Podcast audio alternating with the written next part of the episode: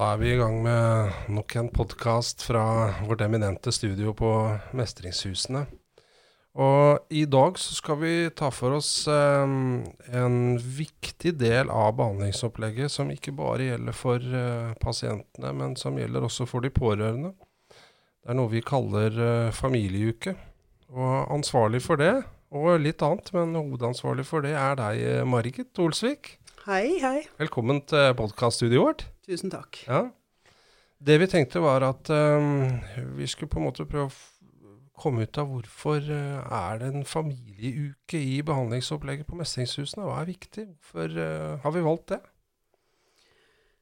Ja, vi, altså Først og fremst har vi jo valgt det fordi at avhengighet kaller vi for en familiesykdom.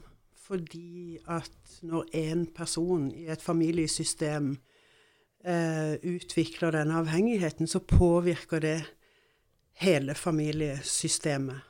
Eh, og da er vi av den oppfatning at vi skal gjøre det beste vi kan for pasienten og for familien. Og da må vi ta det på alvor. Og også gi et tilbud til de nærmeste pårørende, voksne i vårt tilfelle, eller ja, over 18 år primært. Nei, så det, eh, det er jo det vi mener med familieuka. Det er jo å ta eh, dette på alvor. Og ta hele sykdommen på alvor, og ta hele situasjonen på alvor. Og de som er pårørende, de vet jo hvor sterkt de blir påvirka av denne dysfunksjonen som oppstår når det er et misbruk. Om det er alkohol eller piller eller narkotika eller hva det enn måtte være av besettelse. Det kan være spilleavhengighet og hva som helst. Her behandler vi jo primært kjemisk avhengighet, altså alkohol, piller og narkotika, misbruk. Men vi ser jo at i kjølvannet av det så er det jo mange andre fasetter også. Men vi eh, Jeg får jo veldig mye telefoner fra pårørende som er fortvila før pasientene kommer til behandling. For de søker opp oss eller andre, og så ringer de da. Og, og det, er, det er trist. Altså det er trist eh, hvor sterk påvirkning dette har på et helt familiesystem. Og derfor så kjenner jeg jo at jeg blir veldig engasjert, og at jeg er veldig glad for at jeg jobber et sted som tar hele familien på alvor, og at vi har dette tilbudet på Mestringshusene, da. For det vi har hørt uh, tidligere når behandleren sier at først så er man tolv uh, uker da i, i uh, fase to etter avrusninga. Og så eh, er det da i eh, uke 13-14 hvor har, vi har den såkalte familieuka. Nei. Nei, den har vi mellom 8 og 10. Mellom 8 og 10 har vi Ja. familieuka. Så vi har den, altså i, I den første fasen av behandlingen så, um, så, så behandler vi det som vi kaller for den primære avhengighetssykdom. Det er det vi gjør i den fase to. Og en del av den primære akutte situasjonen er jo familiesituasjonen. For det å ikke liksom få orden på de tingene der, gjør at det blir vanskeligere å gå videre i livet, da, hvis ikke en får eh, snakke om de tingene som har vært vanskelige, konsekvensene misbruk har hatt, osv. Er det, er, no, er det unikt for Mestringshusene å ha en sånn familieuke, eller er det noe som ligger på en måte tradisjonelt i alle typer behandlingssteder rundt om? Eh, Det er ikke unikt å ha familieuke, fordi det er andre eh, klinikker som har lignende behandlingsfilosofi som vi har, som har en såkalt eh, familieopplegg, da. Men det er veldig få som har en hel uke. Hvor de kommer på søndag kveld eller mandag morgen og er der helt til fredag og har en intensiv eh, terapeutisk og veiledningsuke hvor de får forelesninger, terapi. Altså vi jobber med enkeltprosesser, vi jobber med, med komplekse ting. Veldig mange har bare eh, familiesamtaler eller familiedager, og noen har sånn tre-fire familiehelger i året hvor det er mer sånn på generelt grunnlag, da. Men, så det er ikke unikt at vi har et familieopplegg. Men um, det er ganske unikt at det er så intensivt uh, som, som det vi har. Hvorfor har du valgt det? Jeg er jo gift med en rusavhengig mann, og jeg har jo en rusavhengig um, eh, bonussønn. Eh, Begge heldigvis i tilfriskning i mange, mange, mange år. Men jeg vet jo Altså, jeg har valgt det fordi at det er det jeg brenner for. Jeg brenner for at hele familien blir sett. Um, og får støtte og hjelp, og ikke føler seg så alene og feil. For det er jo det vi ofte gjør som pårørende, det er jo at vi føler at det er noe galt med oss. Det er noe galt med de tingene vi føler, det er noe galt med alt vi gjør. For vi, ofte så blir de pårørende veldig sånn kritisert, og, og rusavhengige som er aktive i misbruket sitt, peker jo ofte ut. Og da er det jo sånn at hvis de pårørende bare hadde oppført seg litt bedre, så hadde det vært mye lettere for den som ruser seg, eller da hadde han ikke rusa seg mer, og ja. Så, så, jeg brenner virkelig for dette. Det er min kjepphest i livet, altså. Det er å gi verdighet til, til rusfamilien, eller til den familien som lider i denne sykdommen, da. Mm. Og, og da, um, da begynner jo en sånn Men kan før vi går helt dit, hva er egentlig en pårørende? Går det noen grenser noe sted? Må det være familie eller ektefelle, eller setter, setter du noen grense på det når vi har en pasient her oppe?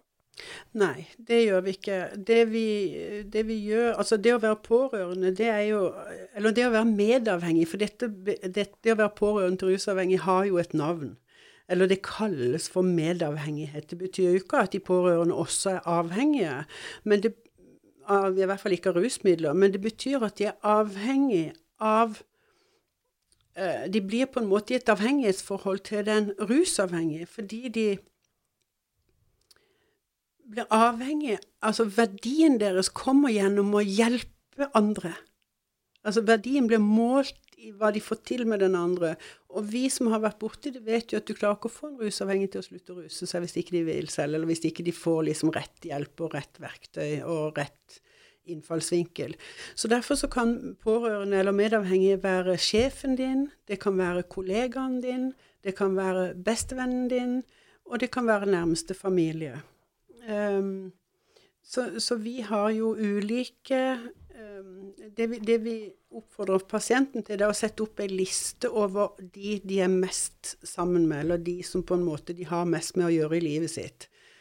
Og, og, selvfølgelig så må jo nærmest familie stå på den lista, da. Og så velger vi å prioritere litt ut fra det. Og noen ganger får jo en pasient to familieuker fordi de har mange som trenger det. Og da, da, gjør vi det i noen tilfeller. At vi sier OK, men da kommer familien din der, og så kommer kjæresten din og bestekompisen din der, hvis mhm. det er fornuftig å gjøre. Mennesker som har påvirkning på dem, og som de er mye sammen med, og som de skal leve sammen med. Og så setter du deg ned og er, Hvordan får du tak i disse menneskene her? Ja, Da setter pasienten som er innlagt her, opp ei liste med navn og relasjon, altså dette er min eldste bror, eh, og telefonnummer. Og da ringer jeg til hver enkelt av de som de har satt opp, og forteller hvem vi er, og hvordan vi tenker, og hva vi ønsker, og inviterer de da, og spør om de er interessert i å bli invitert til en sånn familieuke. Og hvis de sier ja til det, så får de en skriftlig invitasjon med masse informasjon om mm. denne uka, hvordan de skal forholde seg, og ja. Og så svarer de på det, og så gønner vi i gang. Men går det an å si litt mer, eh, Margit? For at, eh, da skjønner jeg jo at du som går det an, Da er du en medavhengig? Ja, absolutt. Ja. Uh, og på lik linje som mannen min er en rusavhengig i tilfriskning, så er jeg en medavhengig i tilfriskning. Jeg, jeg har ganske god kunnskap om medavhengighet. Uh, og i tillegg så, så, gjør jeg jo de tiltakene som, blir, som jeg anbefaler andre medavhengige, det lever jeg etter selv. Så jeg går i selvhjelpsgrupper for pårørende en gang i uka. og det, Mannen min har vært rusfri i 18 år, og, og, i dag så jeg går jo ikke der for å holde han nedru eller nykter. Jeg går der for min egen del, for det det er gratis, og det er en uh, billig investering å bruke én time i uka på å ha en god balanse i mitt indre liv, liksom. Men det høres ut som for meg da som om um, det er på mange måter familien og kanskje ikke pasienten som er i fokus uh, akkurat i familieuka? Hvordan rent sånn praktisk er det det foregår? da? Ja, det er helt riktig. Uh, mitt anliggende er jo familie, så jeg har 100% fokus på familien. Og vi er i en egen gruppe og en egen avdeling, og så jobber pasienten med sin familiestruktur parallelt. Og så i løpet av denne uka, litt ut i uka, så har vi noen møter og noen samtaler og noen oppklaringsrunder, sånn at vi får på en måte eh, Målet vårt er jo forsoning. Det er jo ikke nødvendigvis at de skal elske hverandre herifra til evigheten etterpå, for noen ganger så går ikke det. Det er for mye som er ødelagt. Men i de aller fleste tilfeller som jeg har vært med på, så, så, så er det en Jeg kjenner jeg blir rørt når jeg snakker om det, fordi det er en magisk prosess som foregår gjennom denne uka. Um, og det vi gjør, er at vi tilrettelegger for en dyp samtale om vanskelige temaer uten at det blir nye krenkelser. For det er jo det en ofte er vant med som pårørende, og også som rusavhengig, det er at vi krenker hverandre. For vi peker ut og kritiserer. 'Hvis du bare hadde slutta å ruse deg, så hadde alt vært mye bedre.' 'Du ødelegger meg, du ødelegger barna.' Det er mye kritikk og krenkelser og munnhuggerier da, i et aktivt misbruk i en familie. Mens her tilrettelegger vi for et godt klima for en sunn og god samtale, hvor pasienten får tatt ansvar for det han ønsker å be om unnskyldning for, f.eks. Og de pårørende også får tatt ansvar for sitt. Og det er en nydelig prosess, altså, som blir gjort helt uten avbrytelser. Når den ene snakker, så skal den andre lytte til du er ferdig. Og, og det er jo også en ganske sånn uvant situasjon for en pårørende. For en rusavhengig som er aktiv og blir kritisert, de bare går og slamrer døra igjen. Så, sånn at uh, Poenget her er jo også å bli hørt helt ut. Få snakka til du er ferdig med å si det du vil si. Og så har vi veldig Jeg er jo også sorgveileder, sånn at jeg bruker en del av og Dette er jo en stor sorg i en familie. Det er jo en sorg over en tapt relasjon. Eh, F.eks. mannen du elsker som plutselig utvikler et misbruk, og så er det som om det er en elskerinne inne i bildet, for det er rusen står imellom oss. Og, og, da er det en sorg over en tapt relasjon, da, at vi har mista det vi hadde. Og, og, da bruker vi en del av disse sorgbearbeidingsprinsippene i denne familieuka, for det er en veldig, veldig fin og kjærlighetsfull måte å nærme hverandre på. Så det har, for meg så har det vist seg å, å funke bra, da. Og så får de mye kunnskap. Så vi har jo forelesninger, det er jo ulike personer som er inne og foreleser gjennom familieuka. Vi snakker om ulike temaer som de pårørende er opptatt av. Um, så, så det de får, er jo at de blir sett og hørt, og de får sagt det de vil si, og så får de kunnskap i tillegg. Og det tror vi er en god kombo for å, å få et godt liv sammen etterpå. Og Da tenker jeg jo at um, det er uh, Forsoning er selvfølgelig viktig, og, og for de som hører på, så vil det høres sikkert uh, Nei, det går ikke an, liksom. Her er det noen som har drikket eller rusa seg bort, og det spilt bort både hus og hjem og, og, alt mulig, og man tenker gjerne sikkert uh, Nei, det er gått for langt. Mm. Jeg sier at mål, mål er forsoning, men målet er egentlig ikke forsoning. Målet er, altså målet er forsone seg med seg selv, altså sette seg fri fra bitterheten. For det er jo enormt mye bitterhet i en familie, både fra den ene sida og den andre. Så, så, målet er egentlig å forsone seg med seg selv. Sette seg fri fra bitterheten. Og om det da er kompatibelt med den pasienten vi har her, ja, så er jo det fint. Og som regel så blir det sånn. Eh, men både familien Familien er jo ganske ofte ivrig på å komme her, de aller fleste. Men så er det noen som tenker det har gått for langt. Det har gått for langt. Eh, jeg er ikke villig til å, å komme til en familieuke, og det må vi respektere.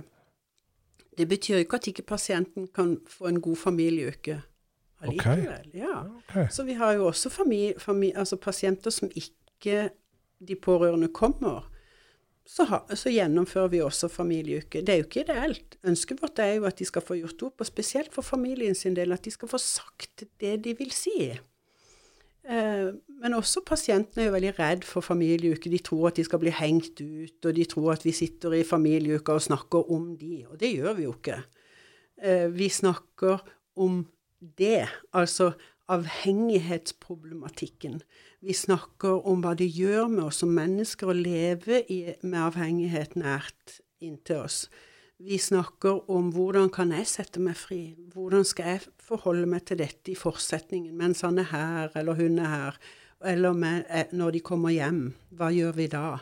Så vi gir dem så mye vi kan klare å få pressa inn på ei uke av verktøy som de kan benytte seg av i fortsetningen i livet. Både i forhold til den rusavhengige, men også i forhold til andre store utfordringer i livet. For livet er uforutsigbart, og livet byr jo på store utfordringer til tider. For alle, uavhengig av hvilken familie du vokser opp i, eller lever i. da. Så det går an å si at du får på mange måter en sånn veileder til hvordan man skal leve livet sitt med en rusavhengig resten av livet? Ja, egentlig. Enkelt sagt så er det sånn. Noen verktøy som de får testa ut her mens de er her. Og så noen sånne grunnprinsipper. Det er jo ikke sånn at livet er sort eller hvitt. Det er jo ikke enten-eller. Og det er jo ikke likt for alle. Alle er jo ikke like. Men, men denne sykdommen er ganske lik. Og påvirkningen på omgivelsene er ganske lik, uavhengig av om du bruker heroin, eller om du bruker alkohol, eller om du er på piller eller spill, eller Altså, denne skjevheten i Eller ubalansen i familien, den er ganske lik, faktisk. Sånn at det er en del sånne grunnleggende prinsipper som kan være gode å ha i baklomma og ty til. Og ikke liksom ty til de gamle strukturene, da. Og så møter du jo eh, Du har jo valgt også Det er jo ikke én og én familie til én og én pasient. Det er jo flere mm. pasienter. Ja. Hvor mange er det da i en sånn familieuke som skal eh, Jeg tenker jo De fleste tenker jo OK, skal jeg brette ut uh, meg og mitt liv i forhold til mennesker jeg ikke kjenner, da, eller hvordan Ja, altså som regel så er vi i en sånn familieuke så er vi en åtte-ti stykker. Det varierer litt. Ja. Uh, um, og da er det noen fra hver pasient som, har, som er moden for å ha familieuke akkurat da. Ja. De har jo familieuke, som jeg sier, for mellom uke åtte og ti. Ja. Sånn cirka. Uh, og de har ikke familieuke før vi vurderer, altså før terapeutene her vurderer at de er klar for familieuke. Hvis ikke de er klar til å begynne på en ydmyk innfallsvinkel til å ta ansvar for det de har gjort, så er de ikke klar for familieuke. Så da må de vente litt. Mm.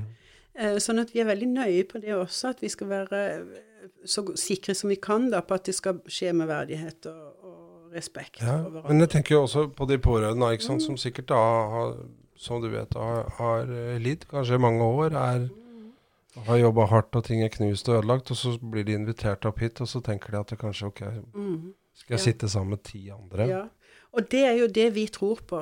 Eh, fordi vi har jo erfart, både for pasienter og for pårørende, og jeg har jo selv erfart hvor viktig gruppedynamikken er.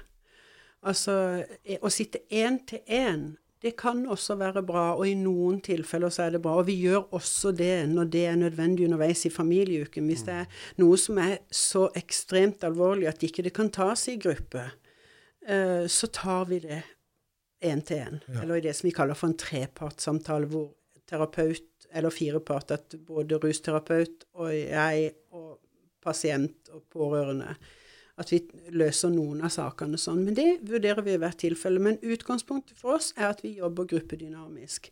Det er det samme pasienten har vegring for når de kommer her. 'Nei, men jeg, sånn, jeg kan ikke sitte i gruppe, mm. og jeg har sosial angst, og jeg har alt det der.' Ja, gi det en sjanse.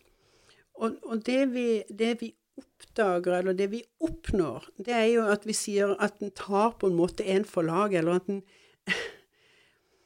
eh, Når en deler sin smerte, da, så jobber en for hele gruppa. Så bare det å sitte og lytte til at en annen tør å dele noe av det som er vanskelig, det gjør jo at jeg ikke kjenner meg så annerledes at jeg ikke føler meg som en alien. 'Å, gud, har hun også tenkt det?' Eller har han også tenkt det?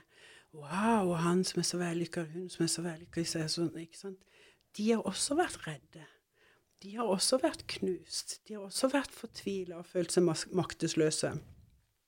Så eh, den gruppedynamiske påvirkningen, det er det vi tror på her på Mestringshusene. og Derfor så bruker vi jo også gruppeterapi på pasientene. Mange ganger om dagen sitter de i gruppe, og i tillegg så har de individuelle samtaler når det er nødvendig, med psykolog og med psykiater og med leger og med rusterapeuter etter behov, og med meg som er familieveileder. Så, sånn at vi, gruppedynamikk det er mye sterkere effekt og funker mye bedre enn én-til-én. Mm. Så gjør vi begge deler. Da sitter du og er med og leder gruppa, da. Er det en runding de sitter i disse her òg? Ja, vi setter oss i ring. Vi, egentlig så, så, foregår, så, foregår, denne gruppa eh, helt likt sånn som pasientene har det. Så de får et ganske godt innblikk i åssen hverdag pasientene har. Det er liksom frokost klokka åtte, vi starter klokka ni. Vi eh, kjører opplegg hele dagen frem til lunsj klokka tolv til ett, og så er det på igjen klokka ett, og bånn gass til halv fire, og så er det middag klokka fire, og så er det opplegg fra klokka seks igjen oppgaver eller undervisning eller film eller ulike ting som skjer på kvelden. Siste samling er halv ti på kvelden. Så det er, det er, akkurat sånn som pasientene har det. Det er intensiv behandling. For vi leker ikke med folk, vi tuller ikke med folk. Eh, um, når de er innlagt her, så skal de få det de er kommet for, nemlig hjelp til utfordringen. Altså pasientene får sin avhengighet, og de pårørende får, får så mye som mulig på denne uka de er her, da. Mm. Og så er det mange da som kanskje kan tenke sånn Jeg tenker du bruker ord som medavhengig, og, og som, som, sitter hjemme og tenker Vet du hva, kan ikke, kan ikke bare han slutte å drikke? Kan ikke bare mm. Som bare slutter med narkotika, blir ferdig? Da blir jo alt bra. liksom At jeg orker ikke å liksom gå inn i og være en del av dette greiene her. Jeg, du er jo blitt uh, tvinget på det. Det er jo ikke, det er jo ikke de pårørende sitt valg. Nei, og den tanken forstår jeg kjempegodt. Og hvis det hadde vært så enkelt, så hadde det jo bare slutta da, før alle disse heftige konsekvensene slo inn. Mm -hmm. Men så enkelt er det jo ikke. I vår filosofi sier vi jo at det er en kronisk og progressiv sykdom. Og det betyr jo ikke at ja, ja, så nå er det en sykdom, da, så da kan de bare få lov til å fortsette å drikke eller ruse seg. Nei, de er jo voksne mennesker. De har ansvar for sykdommen på lik linje som alle andre defekter vi har. Eh, hvis du har revmatisme, så, så, kan du ikke bare bestemme deg for at den gidder jeg ikke ha, liksom. Da må du gå til fysioterapeut og gjøre de øvelsene du har fått beskjed om for å få et så funksjonelt og godt liv som mulig, da. Sånn er det her også. Det er ikke bare å slutte. For enkelte så er det ikke det. Og de aller fleste klarer å slutte over kortere eller lengre perioder, men det de ikke gjør, det er jo at de greier ikke å la være å begynne når livet butter. Ja, men jeg tenkte som pårørende. Ja. Ikke sant at de pårørende tenker at ja, men det er greit. Hun kan akseptere at det er en sykdom, og den kan akseptere at det er, at det er fælt, og at det og, og, skal på en måte bistå. Men selv på en måte Det du gjør, er å bringe liksom hele familien inn i hele og si medavhengig, ikke sant, og bli en del av alt sammen. Jeg kan ikke tenke seg at man er ganske sliten av hele greiene, liksom. Hvordan løser man det? Jo, det er jo nettopp det de er. De er jo så slitne, og det er jo derfor de vegrer seg, eller sånn i utgangspunktet ikke har lyst, eller noen det er mange som har veldig lyst, men det er noen som ikke har lyst til å komme. for ja. de er så Det var dem jeg tenkte på nå, som bare åh, jeg, Det er bare ja. godt at vedkommende er borte. Jeg er mm. selvfølgelig glad i kjæresten, sønn, mamma, pappa, hva det måtte være, men tenker åh, åh. Man bare fikser det selv. Ja. Mm. Og det forstår jeg, men vi gjør jo dette ikke for den pasienten, for pasienten får det han trenger. Vi gjør det for familien, fordi vi vet at det gjør en forskjell for deg. Og, og er du sliten, så, så vil dette hjelpe eh, på etterpå. Du vil kunne sette tydeligere grenser eh, når han kommer hjem, eller når hun kommer hjem. Eh, vil, det vil bli lettere å leve når, når, vedkommende kommer hjem fra behandling, fordi eh, når dere får Dere får, får, på en måte et felles stammespråk, sånn at du, det blir lettere å forstå eh, hvordan tilfriskning foregår for en pasient, da, eller for den du er, glad i. Um, så, og, og, greia er jo Vår erfaring er jo i hvert fall at hvis de pårørende ikke får god og adekvat informasjon og veiledning, så er det mye vanskeligere å få forholdet til å fungere etterpå. Mye, mye vanskeligere å få forholdet til å fungere etterpå. Så, og vi, vi, vi tilbyr jo til og med ekser, altså noen som er skilt, hvis de har felles barn. Så hender det rett ofte at vi inviterer ekskone eller eksmann inn til familieuke, nettopp fordi at de har felles barn. De trenger å samhandle om noen elementer i livet, selv om de ikke skal forsones som par. Så skal de forsones i en felles plattform for hvordan vi skal forholde oss til barna. Blant annet, hva, hva er reglene hvis du tar tilbakefall? Ikke sant. Hvordan skal, forholde, hvordan skal du forholde deg hvis han, hvis han, eller hun tar et tilbakefall? Mm. Det å, å, få noe sånn eh, Få tilbake fotfestet litt, at ikke en mister grepet hvis det skulle skje. For vi vet jo at det skjer for enkelte. Uh, og, og da, det er liksom å Ja. Så dette er jo eh, Familieuka er ikke for pasientens skyld. Det er for de pårørendes skyld. Det er et tilbud til de pårørende, og det er, for, det er de som får den største effekten. Og så er det jo Selvfølgelig så ser vi jo at når pasientene har sin familie her og har familieuke, så ser vi jo at det skjer ting, og at det er ofte store kvantesprang i tilfriskningen. At det skjer veldig store ting for pasienten også. Men det klarer vi å få til på andre måter. Så familieuka er primært for den eh, for familien, eller for de pårørende. Det er de som skal ha den effekten. Og det er jo det som uh, Margit Olsvik også brenner veldig, veldig for. Det er jo dette du, du jobber med. Mm. Um, det jeg også tenker på da, Margit, det er det mennesker lurer på hva med barn kanskje inne i bildet her. Det er jo mange som har familier, altså mindreårige barn. altså Er det noen aldersgrense? Hvordan løser du det? Ja, altså vi i familieuke så, så skal de primært være 18 år eller mer. Eh, og så er det jo noen ungdommer og sånn som vi tar opp til samtaler og tar med på deler av familiestrukturen, men ikke på alt. Fordi vi vurderer det eh, i hvert tilfelle sammen med psykolog og psykiater og med barneansvarlig her på huset, sosionomen og, og ja. Så, så, da gjør vi litt ulike ting. Men for mindreårige barn, så de kan ikke være med i en familieuke. Da er det andre ting som foregår. Så vi har jo en barneansvarlig her på huset som har ansvar for at mindre barn blir ivaretatt enten av barnevernet eller i samtaler eller i lek eller i ulike um, prosesser, da. For handler dette, handler dette om Jeg sitter igjen med, med Jeg har jo sett en del av disse familieukene, og jeg ser jo hva det gjør med dem, ikke sant? Og jeg ser at det, det, gjør noe bra, for det handler vel mest om å starte ordentlig på blanke ark, for de som ikke kan så mye om det. Er det et godt begrep å bruke? Ja, og så samtidig så ble det, ble det litt rart, for det er jo helt umulig å bare på en måte viske ut Altså, det er jo ikke et blankt ark. Det er, jo, det, det er jo Jeg vil heller si at vi um, uh, vi kommer til et nullpunkt, eller vi forsøker å komme til et nullpunkt, hvor vi um, aksepterer historien sånn som man er. Uten tilslørelse. Altså, dette har skjedd. Ja, du har svikta oss. Ja, du har eh, oppført deg som en tulling, eller du har gjort si eller så, eller Altså, vi, den rusavhengige får lov til å ta ansvar for sitt, så det de kan gjøre De kan jo ikke få gjort noe om igjen, men de kan ta ansvar for det i form av at Men det stemmer, og det beklager, det er jeg lei meg for. Og det skulle jeg ønske jeg kunne gitt en arm og et bein for å ha ugjort, men de kan ikke det. Det det eneste de kan gjøre, er å sørge for å ikke gjøre det igjen.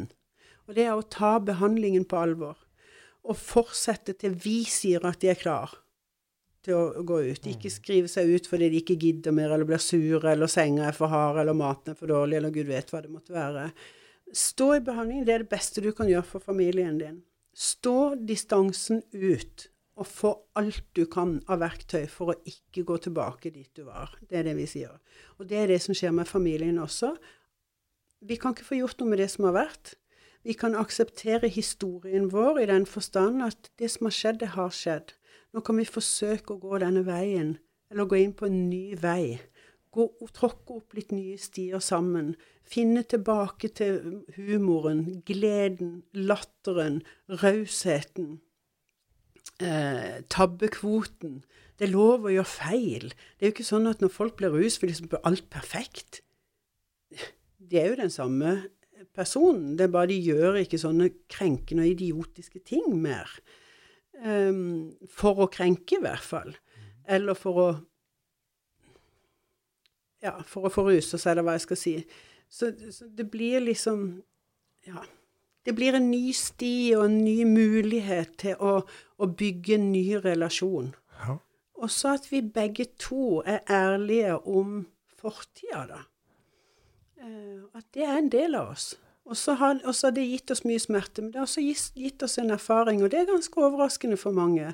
Når de kommer litt ut i familieuker, så, så hører jeg at de sier Gud bedre, nå kjenner jeg at jeg er takknemlig for at jeg har den familien jeg har, for dette her ville jeg jo aldri fått hvis ikke, og, og at de har et, et et grunnlag eller en dyrekjøpt erfaring, men dog en erfaring som gjør at de står rusta bedre i andre situasjoner i livet og vet og kan mer. da. Mm. Så tenker jeg også helt eh, avslutningsvis, eh, Margit, virker det? Ja, det er min erfaring. Eh, og jeg møter jo mange som har vært i familieuker her og andre steder, og vært i sånn familie og går i selvhjelpsgrupper og alt det der. Og det er jo ikke noe tvil om at de får bedre liv når de får anledning til å fokusere på seg selv og hvordan jeg, vil ha det i livet mitt. da. Ta ansvar for det som For min egen lykke, da. At ikke, det, at ikke min lykke er avhengig av om mannen min ruser seg eller ikke.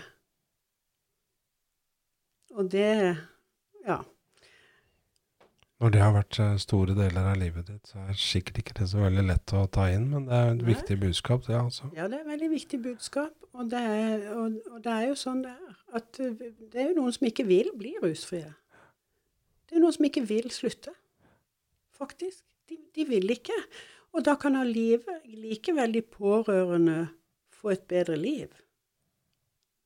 Vi har jo folk her som kommer utenfra også, som ikke har pasienter, og som kontakter oss og sier 'jeg trenger en sånn familieuke'. Mannen min ruser seg, han vil ikke behandling, og han vil ikke slutte, men jeg kjenner at jeg orker ikke mer. Så jeg trenger hjelp min, for min del. Og så kommer de her, og så får de et bedre liv, av uavhengig av om mannen ruser seg eller ikke.